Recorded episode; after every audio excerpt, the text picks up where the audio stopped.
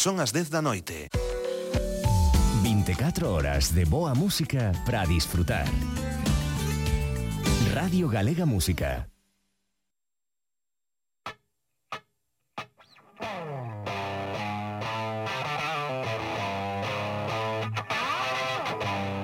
Cara B, con Manuel de Lorenzo.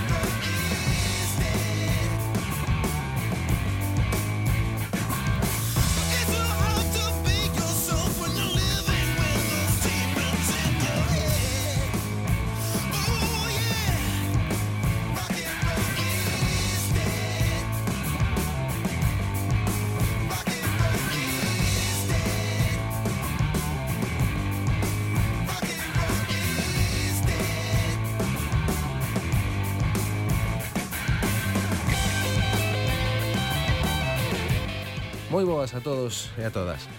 Lembro perfectamente cando escoitei por primeira vez esta canción Rock and Roll is Dead de Lenny Kravitz. Eu era un adolescente un pouco perdido en canto a gustos musicais, un pouco como todo mundo, non? Alá a medida dos, eh, dos anos 90. Probaba un pouco aquí, probaba un pouco de ali, e quedaba con diferentes cousas, non? Eh, estaba interesado, por exemplo, no punk de California, coñecido tamén como skate punk, con bandas de referencia como The Offspring que no ano 1994 conquistara o mundo enteiro co seu éxito Self-Steam.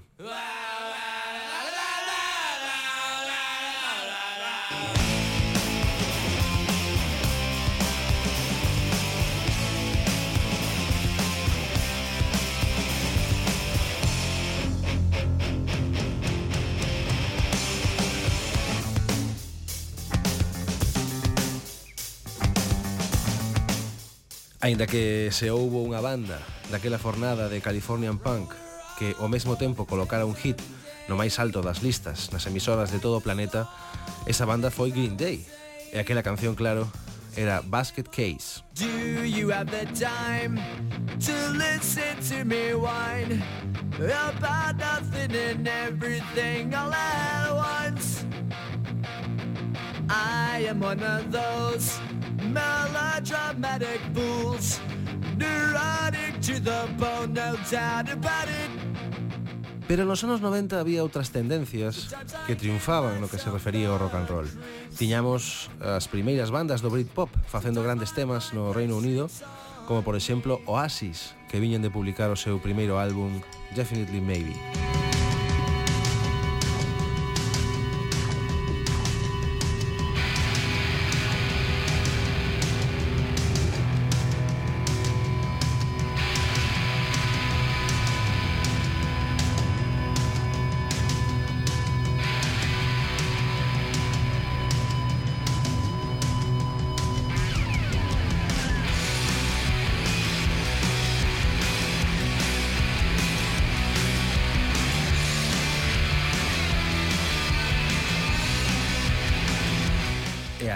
mantiña en plena forma, por suposto, o grunge, malia o suicidio do seu exponente máis carismático e afamado, o líder de Nirvana, Kurt Cobain.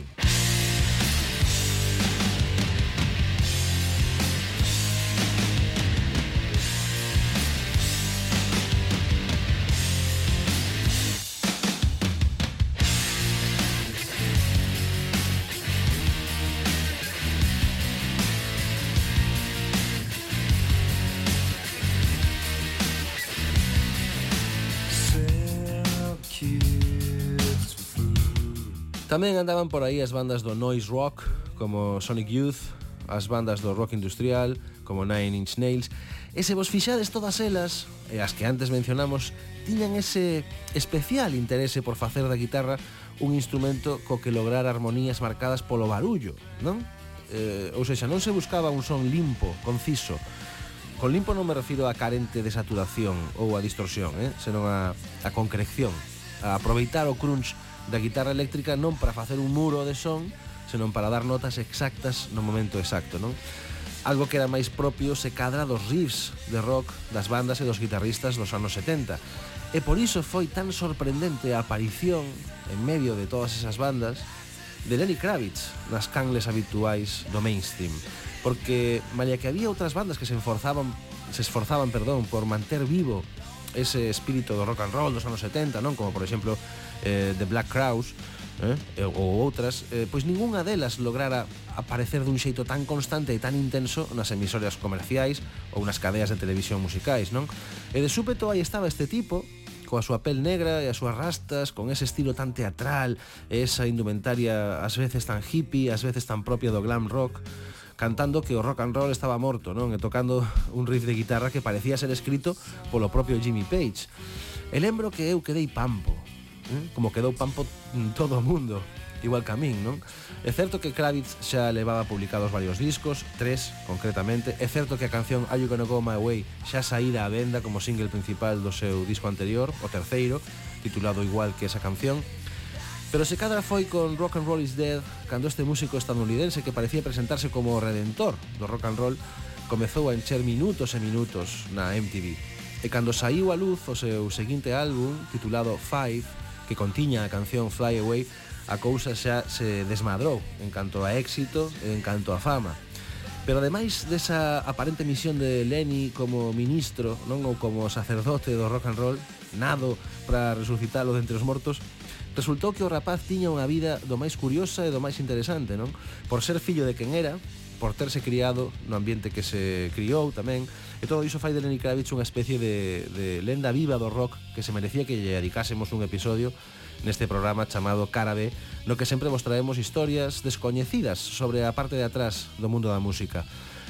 Oxe, eh, non imos contar un só relato cun inicio, un núcleo e un eh, desenlace como adoitamos facer, senón que imos tentar eh, tomar unha fotografía de Lenny Kravitz por medio de diferentes anécdotas e historias que seguro que vos van a encantar. E imos acompañalo todo coa mellor música deste xenial compositor e multiinstrumentista eh, que se autoimpuxo a misión de salvar o rock and roll. Hoxe a cousa trata sobre Lenny Kravitz. Eu son Manuel de Lorenzo e aquí arrinca Cara B.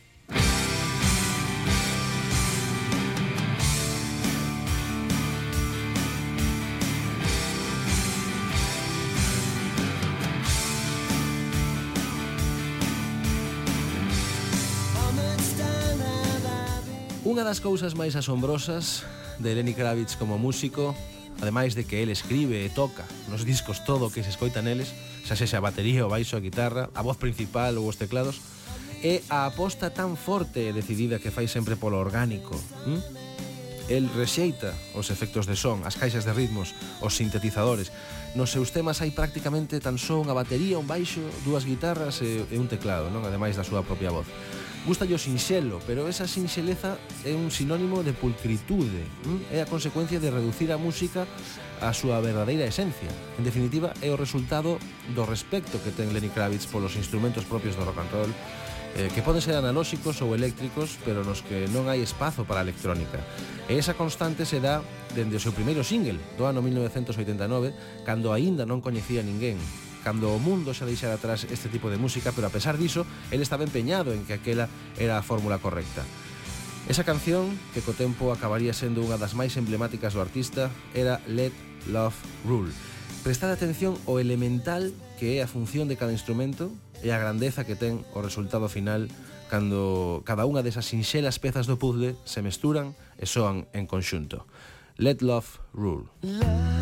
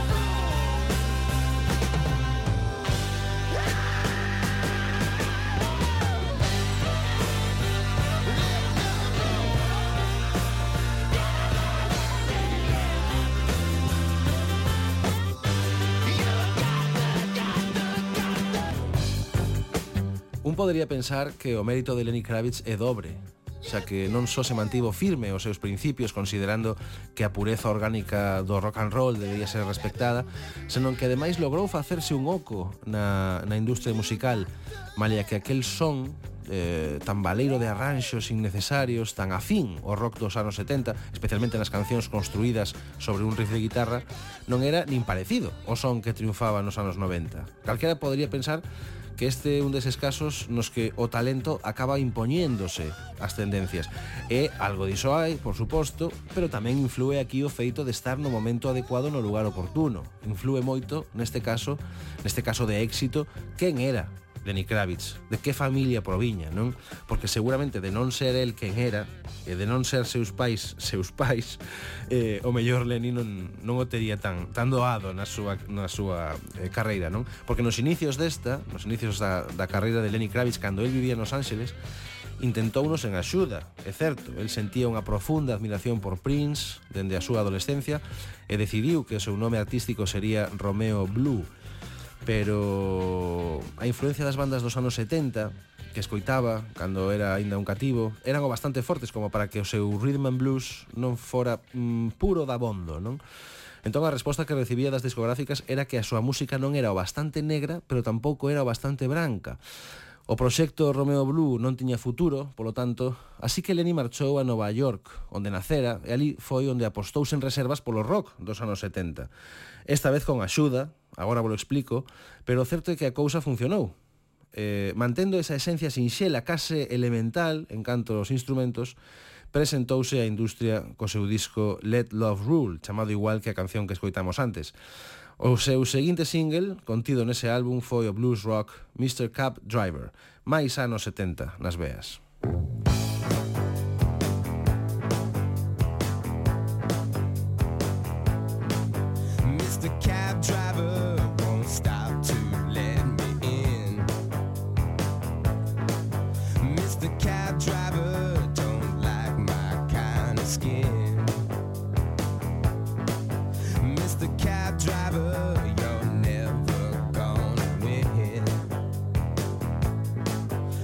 the cab driver.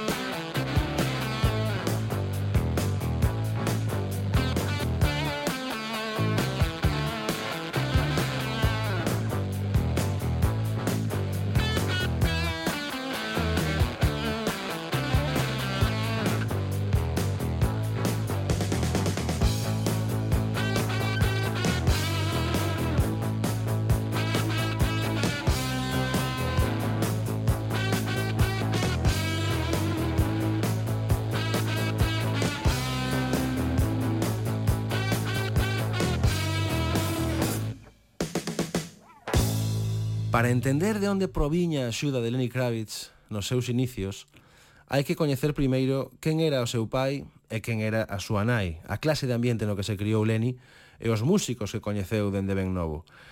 Isto tamén explica por que, co seu primeiro disco, que non coñecía ninguén, eh, xa foi teloneiro de mitos como Bob Dylan ou David Bowie, non? Iso ten un nome, chegar a encher. Hm? publicas un álbum eh, que non obtén aínda un gran resultado nas listas e de súpeto estás a xirar con Bob Dylan, non? Ou con David Bowie. Algo pasaba aí claramente. E o que pasaba era que o seu pai era Cy Kravitz, produtor de televisión e de espectáculos de jazz. E a súa nai era Roxy Rocker, actriz de televisión e estrela da serie The Jeffersons. Ela era das Bahamas e o seu pai era de orixe ucraniana. Nacera en Manhattan e cando era un cativo Pola súa casa pasaba xente como Count Basie, Ella Fitzgerald ou Duke Ellington, que mesmo cantou para el o Happy Birthday to You a modo de sorpresa no seu aniversario, non? O sea, naquel fogar escoitábase jazz, escoitábase blues, gospel, soul... Eh, cando cumpriu os 10 anos, a súa familia mudouse a costa oeste para vivir nos Ángeles e ali os contactos cos grandes da música foron a máis. Escoitaba a Led Zeppelin, a Jimi Hendrix, a The Rolling Stones, a The Beatles e tocaba na casa cos amigos dos seus pais como Chick Corea, eh, Sarah Vaughan, Bobby Short, Herbie Hancock ou Miles Davis. Eh? É dicir, ti estás a dar os teus primeiros pasos coa túa guitarra sendo un adolescente e unha tarde calquera tes na casa a Miles Davis e a Chick Corea para improvisar con eles uns estándares de jazz ou de blues, non? É, é alucinante. Eh, se a iso lle unes que no teu cuarto non paras de escoitar a guitarristas como Hendrix ou Jimmy Page, é normal que no teu segundo disco, chamado Mama Said, dé a sensación eh, de que en lugar de atoparte nos anos 90, ves directamente dende 1973.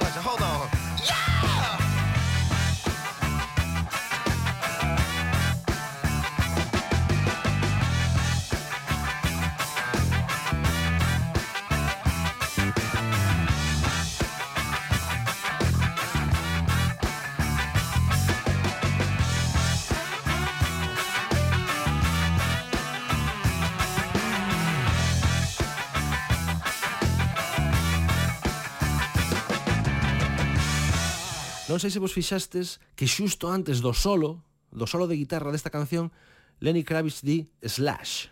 E sabedes por qué? Porque o que toca ese solo de guitarra é Slash. E sabedes por que toca Slash nesta canción? porque os autores do tema son Lenny Kravitz e máis Slash, o guitarrista de Guns N' Roses. Resulta que compuxeran esta canción cando eran uns rapaces e ían xuntos ao instituto en Beverly Hills. Na súa clase estudaba tamén Nicolas Cage, por certo, ou seja, ningún dos dous foi un roqueiro saído dos barrios baixos, non, que chegou á cima a base de chamar a todas as portas para, para que vos fagades unha idea de por onde vamos tiros, non? Non lles resto mérito como músicos, eh, como compositores, pero digamos que eh, tiveron o máis doado eh, dende o comezo que outros músicos, non? Eh, é sinxelo adicarse á música e a nada máis cando os teus pais, pois mm, cando recibes dos teus pais unha paga suculenta semana a semana, non? Ocorreulles isto a moitos, eh? non vayades pensar. Os Strokes, por exemplo, son outro caso, non? Ou a metade das bandas da movida, pero bueno, este é outro tema, daría para outro programa. Eh, Slash entón quería usar ese riff eh, de guitarra de desta de canción Always on the Run e quería usar esa melodía para Guns N' Roses, para un tema de Guns N' Roses, pero non conseguían darlle forma no local de ensayo, sobre todo porque o batería non se adaptaba aos acentos do riff de guitarra e por iso foi Kravitz eh, quen a por fin para un disco seu tocando el todo, como sempre, claro. Pero non me quero adiantar, estábamos a falar dos primeiros anos na carreira do músico e como a súa situación familiar era propicia para ter os contactos necesarios, non? O que pasou foi que Lenny regresou a Nova York, esquecéndose xa de Romeo Blue, e decidido a montar un proxecto baseado puramente no rock, no rock and roll máis xenuino. El era un rapaz negro, de boa familia, pero cun estilo entre o hipismo e o misticismo, de pai xudeu que se dedicaba ao negocio audiovisual de nai famosa, con cartos no peto, a súa moza era Lisa Bonet, a famosa filla de Bill Cosby, na serie deste, e claro, tiña Manhattan aos seus pés, non? Foi entón cando o seu pai financiou un ano e medio, un ano e medio, un ano e medio, eh, de sesións de estudio cos enxeñeiros musicais Henry Hirsch e Carl Denson, que eran apaixonados da música dos anos 60 e 70 e dos instrumentos brutos, sen efectos de grabación. Eh, ou seja, un ano e medio que che paga o teu pai no estudio para, para que vexades que a axuda, en definitiva, eh, axuda lenitivo. Tivo unha pouquiña, non? E desas sesións saiu eh, o seu primeiro álbum do que falábamos antes, Left Love Rule. O que pasou foi, eh, como el mesmo contou para unha, nunha entrevista para a revista Rolling Stone, que nese momento ninguén entendía o que estaba a facer, non? Ninguén entendía por que aquel rapaz pretendía traer de novo os anos 70 ata os anos 90. Eh, e por iso demostrou que tamén era capaz de facer cousas máis próximas ao R&B e ao soul, non? E foi así como pegou o seu primeiro petardazo. Naquel disco titulado Mama Said eh, atopábase o seu primeiro éxito, It Ain't Over Till It's Over Criades que todo eran riffs de guitarra e instrumentación elemental? Pois non. Ala, aí, aí tedes un pouco de Prince eh, e da Motown.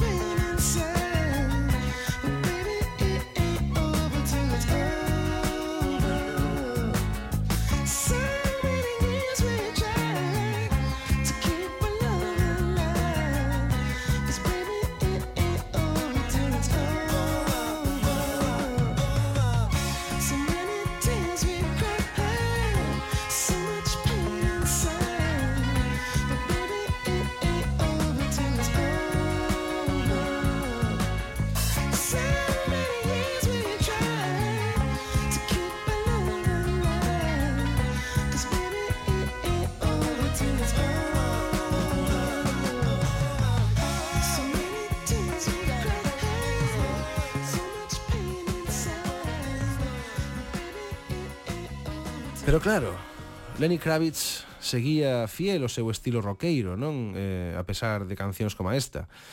Eh, seguía fiel a eses riffs de guitarra que tiñan ecos de Jimmy Page, eses recursos que lembran por momentos a Hendrix, esas progresións que podemos atopar en moitos dos temas dos seus ídolos como The Rolling Stones.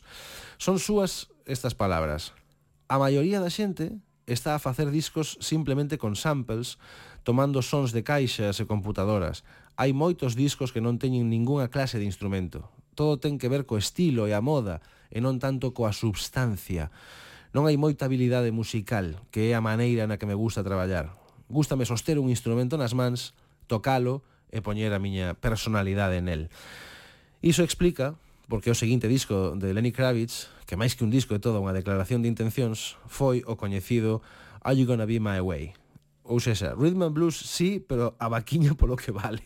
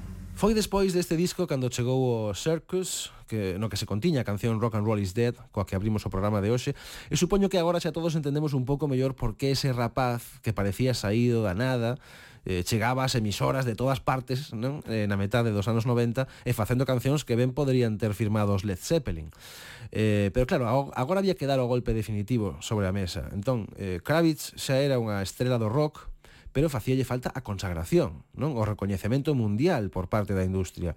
Algo que eh, lle sucedeu no seguinte disco titulado Five ou Cinco, porque o nome do disco en realidade é o número 5, sen máis. E con ese traballo chegou a canción que o levaría a to máis alto, tanto, tan alto que lle deron o Grammy a mellor actuación eh, vocal masculina de rock ese ano e despois o seguinte, e o seguinte, e tamén o seguinte. Eh, é o único músico de rock que logrou ese galardón catro edicións seguidas eh, dos Grammy. E todo comezara cunha canción que non ia aparecer no disco, eh, que nin sequera existía cando o disco xa estaba prácticamente rematado, e que, sen embargo, ia converter a Lenny Kravitz nun, nunha icona. Esa canción é Fly Away, e a súa historia eh, que está moi ben, contouna o propio Leni en certa ocasión. Abro comiñas. Atopábame eu só no estudio e enchufei a guitarra. Púxenme a tocar e empecé a facer os acordes da canción. Toquei tamén a batería, dúas guitarras máis e o baixo, e foi así como fixen o tema. Nese momento, o disco xa estaba rematado, así que pensei, bah, quizáis isto pode soar máis adiante. Mostrei a un amigo e este me dixo, isto é un hit xigante, tes que poñelo no disco sí ou sí. Eu contestelle, na, o disco está xa rematado, xa o entreguei. E el díxome, se non o metes no disco, voume anoxar moito contigo. Así que chamei a Virgin e dixeronme, sentímolo, Lenny, pero é demasiado tarde. O disco está terminado, imos imprimilo. Eu mandei esa canción igualmente, eh, por se de todos os xeitos a querían escoitar, eles escoitárona e pararon todo. Agregaron o tema ao disco e así o editaron. Esa canción era Fly Away e fíxome gañar un Grammy. Wow, que historiaza, eh? Non me extraña de todos os xeitos que parasen as máquinas para meter o tema no disco, porque basta con escoitar o comezo de Fly Away para saber que estás ante un número un de manual. Música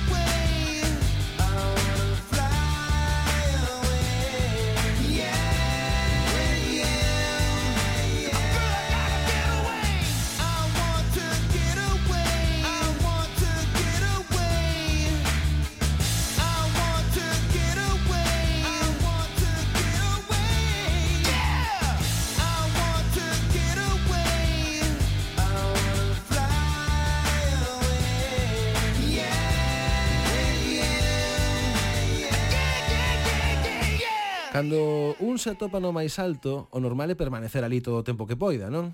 Eh, moito máis adiante, pois xa miras cara atrás e ves eh, que se pode aproveitar. Pero Lenny Kravitz é un tipo especial. O que fixo cando estaba a recibir Grammy tras Grammy, e as súas cancións estaban eh, no máis alto das listas, foi publicar un grandes éxitos. Como se levara 20 anos sendo un ídolo do rock, non? Ese disco, o Greatest Hits, foi o que seguiu o álbum Five, Eh, tiña un single moi bo, unha balada titulada Again, despois publicou un álbum colmado de ego, titulado directamente Lenny, no que se atopaban cancións como Stillness of Heart, Digging, Believe in Me ou If I Could Fall in Love. É certo que foron coñecidas, pero eran peores cancións, non? O certo é que nese disco xa comeza a separarse da liña setenteira que tantas ledicias lle brindara e foi un erro, foi un erro, e Lenny sabíao, e corrixiuno, corrixiuno no seguinte disco, Baptism, do que escoitaremos algún tema despois. Pero antes, eh, para retomar a senda correcta, deixarlles claro aos seus seguidores que ese non era o camiño que ia seguir, que el pretendía volver o rock and roll sen fisuras, tomou unha decisión fantástica, que era colaborar con Mick Jagger nunha canción e publicala. El mesmo conta ás veces que é tremendo poder traballar cos teus ídolos, non? Un tipo o que escoitaba cando era un adolescente, agora é alguén co que saes de xira, con quen gravas cancións e que pasa días e días no estudio que ti tes na túa casa, non? As anécdotas de Lenny Kravitz con Mick Jagger son moitas, pero gústame unha que conta e que di que cando Jagger vai pasar uns días con el na casa para improvisar e facer cancións, non? Hai un ritual que sempre se mantén e é que ás 12 da noite Jagger sempre para de gravar para beber champán concretamente Don Periñón. E despois continúa coa sesión Eh, como di Lenny, hai moitas formas de beber Don Periñón, pero ninguna se asemella a de bebelo con Mick Jagger. Non? Desas colaboracións saiu a canción coa que Lenny deixaba claro que regresaba á senda eh, do rock and roll, God Gave Me Everything. Mick Jagger no micrófono e Lenny Kravitz en, en todo o demais, como sempre, non? Un escoito o tema e non pode deixar de pensar neses dous mitos pasando noites e noites grabando no estudio da casa de Lenny Kravitz parando ás 12 da noite para beber champán unha maravilla.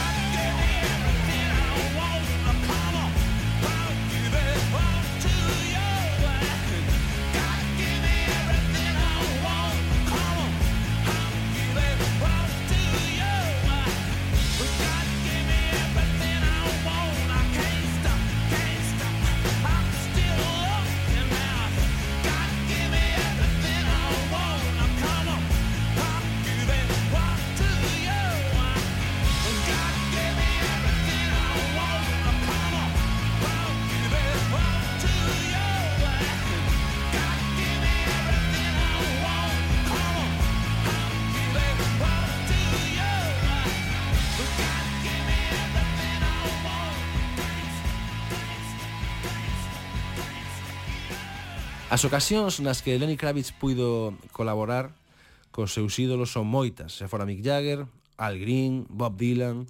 Por certo, hai unha anécdota eh, que lle conta a, a Jimmy Fallon na que di que sai a, a cantar con Bob Dylan Maggie's Farm e non se sabe a letra, non?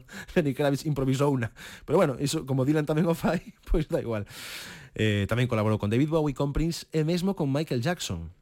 Na casa de Lenny Kravitz hai unha fotografía eh, con marco dourado que colga na parede tomada o 16 de xullo do ano 1971 polo seu pai e na fotografía aparecen os Jackson 5 no escenario do Madison Square Garden. Foi o primeiro show, o primeiro espectáculo o que asistiu o pequeno Lenny eh, unha noite que cambiou a súa vida, non? El mismo di, di tiña sete anos, pero lembro o concerto perfectamente. Provocou que eu quixese facer isto que fago. Tempo despois remataría compartido, compartindo perdón, un estudio de grabación co mesmo Michael Jackson. Eh, dicía, ali estaba eu traballando coa persoa que iniciou todo para min, non? Así o lembra Lenny Kravitz. Os coros para Michael Jackson gravados durante esas sesións aparecerían moitos anos despois na canción Low, unha das, un dos temas do undécimo álbum de estudio de Lenny, eh, Raise Vibration, no que tamén hai un tema titulado Johnny Cash, inspirado por un dos moitos encontros con iconas do rock non que salpican constantemente a vida de Lenny Kravitz e que neste caso coincidiu coa morte da súa nai. El explicao así, di... Eu estaba a vivir na casa de Rick Rubin, nos Ángeles, estivera no hospital e volvera para darme unha ducha e comer algo, e cando cheguei a casa soou o teléfono e alguén me dixo a túa nai morreu, foise. Eu estaba parado ao pé da escaleira, obviamente noqueado, e ao mesmo tempo Johnny Cash e June Carter baixaban pola escaleira. Deronse conta de que estaba perturbado, non? Johnny preguntoume que me pasaba e conteille que a miña nai acababa de morrer. Os dous remataron de baixar e rodeáronme, un de cada lado, e abrazáronme, consoláronme, faláronme, foron moi amorosos. Non éramos grandes amigos, pero elixiron facer algo fermoso e tratarme como parte da familia. Conto vos esta anécdota para que entendades tamén o importante que era a nai de Leni para el, non? E por iso pasou toda a vida enfadado co seu pai, porque nunha ocasión atopou no enganando a súa nai. Eh, e o seu pai, cando se decatou de, da presencia do seu fillo ali, dixo, ti tamén o vas facer non? En algún momento ti tamén os facer. Leni conta que el tiña 19 anos e di, foi unha frase profunda, nun momento en que supoño que a miña nai quería que el me dixese algo que me beneficiase e el dixo iso, non? Ti tamén o farás. Eh, non me dei conta do profundo que ia penetrar no meu ser. Fíxome preguntarme sobre o compromiso, duvidar de se podería facelo. Paseime anos tratando de sacar iso de min. Só fixemos as paces antes da súa morte.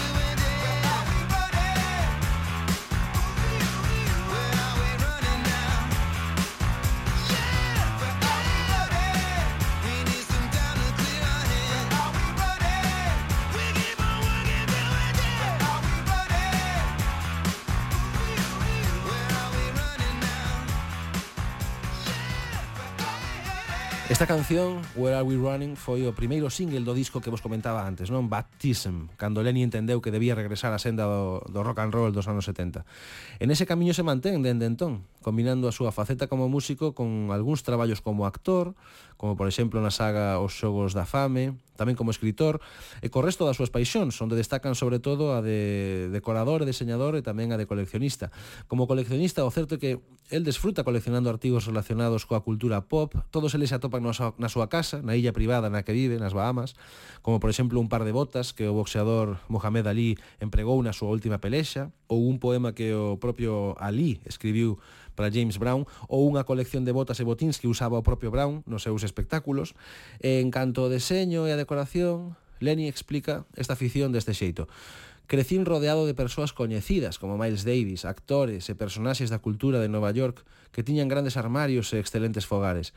Eran artistas que sabían como crear un ambiente realmente interesante, acolledor, con moita personalidade. A década de 1970 foi unha época moi expresiva en deseño, moda, música, arte, en todo. Creo que a través da osmose todo isto sucedeu. Non era algo no que estaba a pensar ou a buscar, asimileino dun modo natural.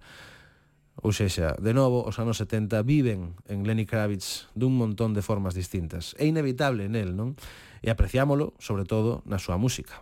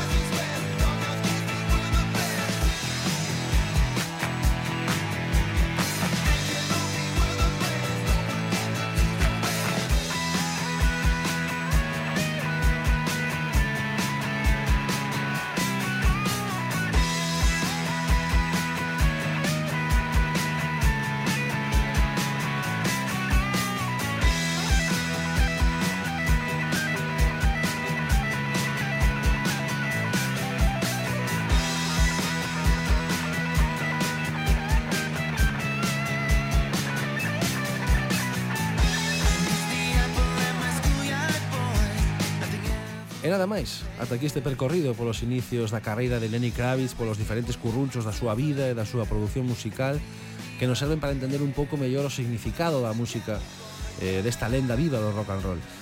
Agardo que vos gustara tanto como a nós este relato, que, como sempre, tenta profundar na parte de atrás da historia da música, na parte menos coñecida, non? meténdose sempre entre bambolinas para entender mellor como se forxan os mitos do rock e do pop. Para nós foi un placer traérvola ata este espazo no que se alternan as boas historias e as grandes cancións. Esperamos por todos vos a vindeira semana noutra entrega de Cara B. Non esquezades buscarnos na plataforma Radio Galega Podcast, na web da Radio Galega, onde podedes atopar todos os nosos episodios. Coidadevos moito.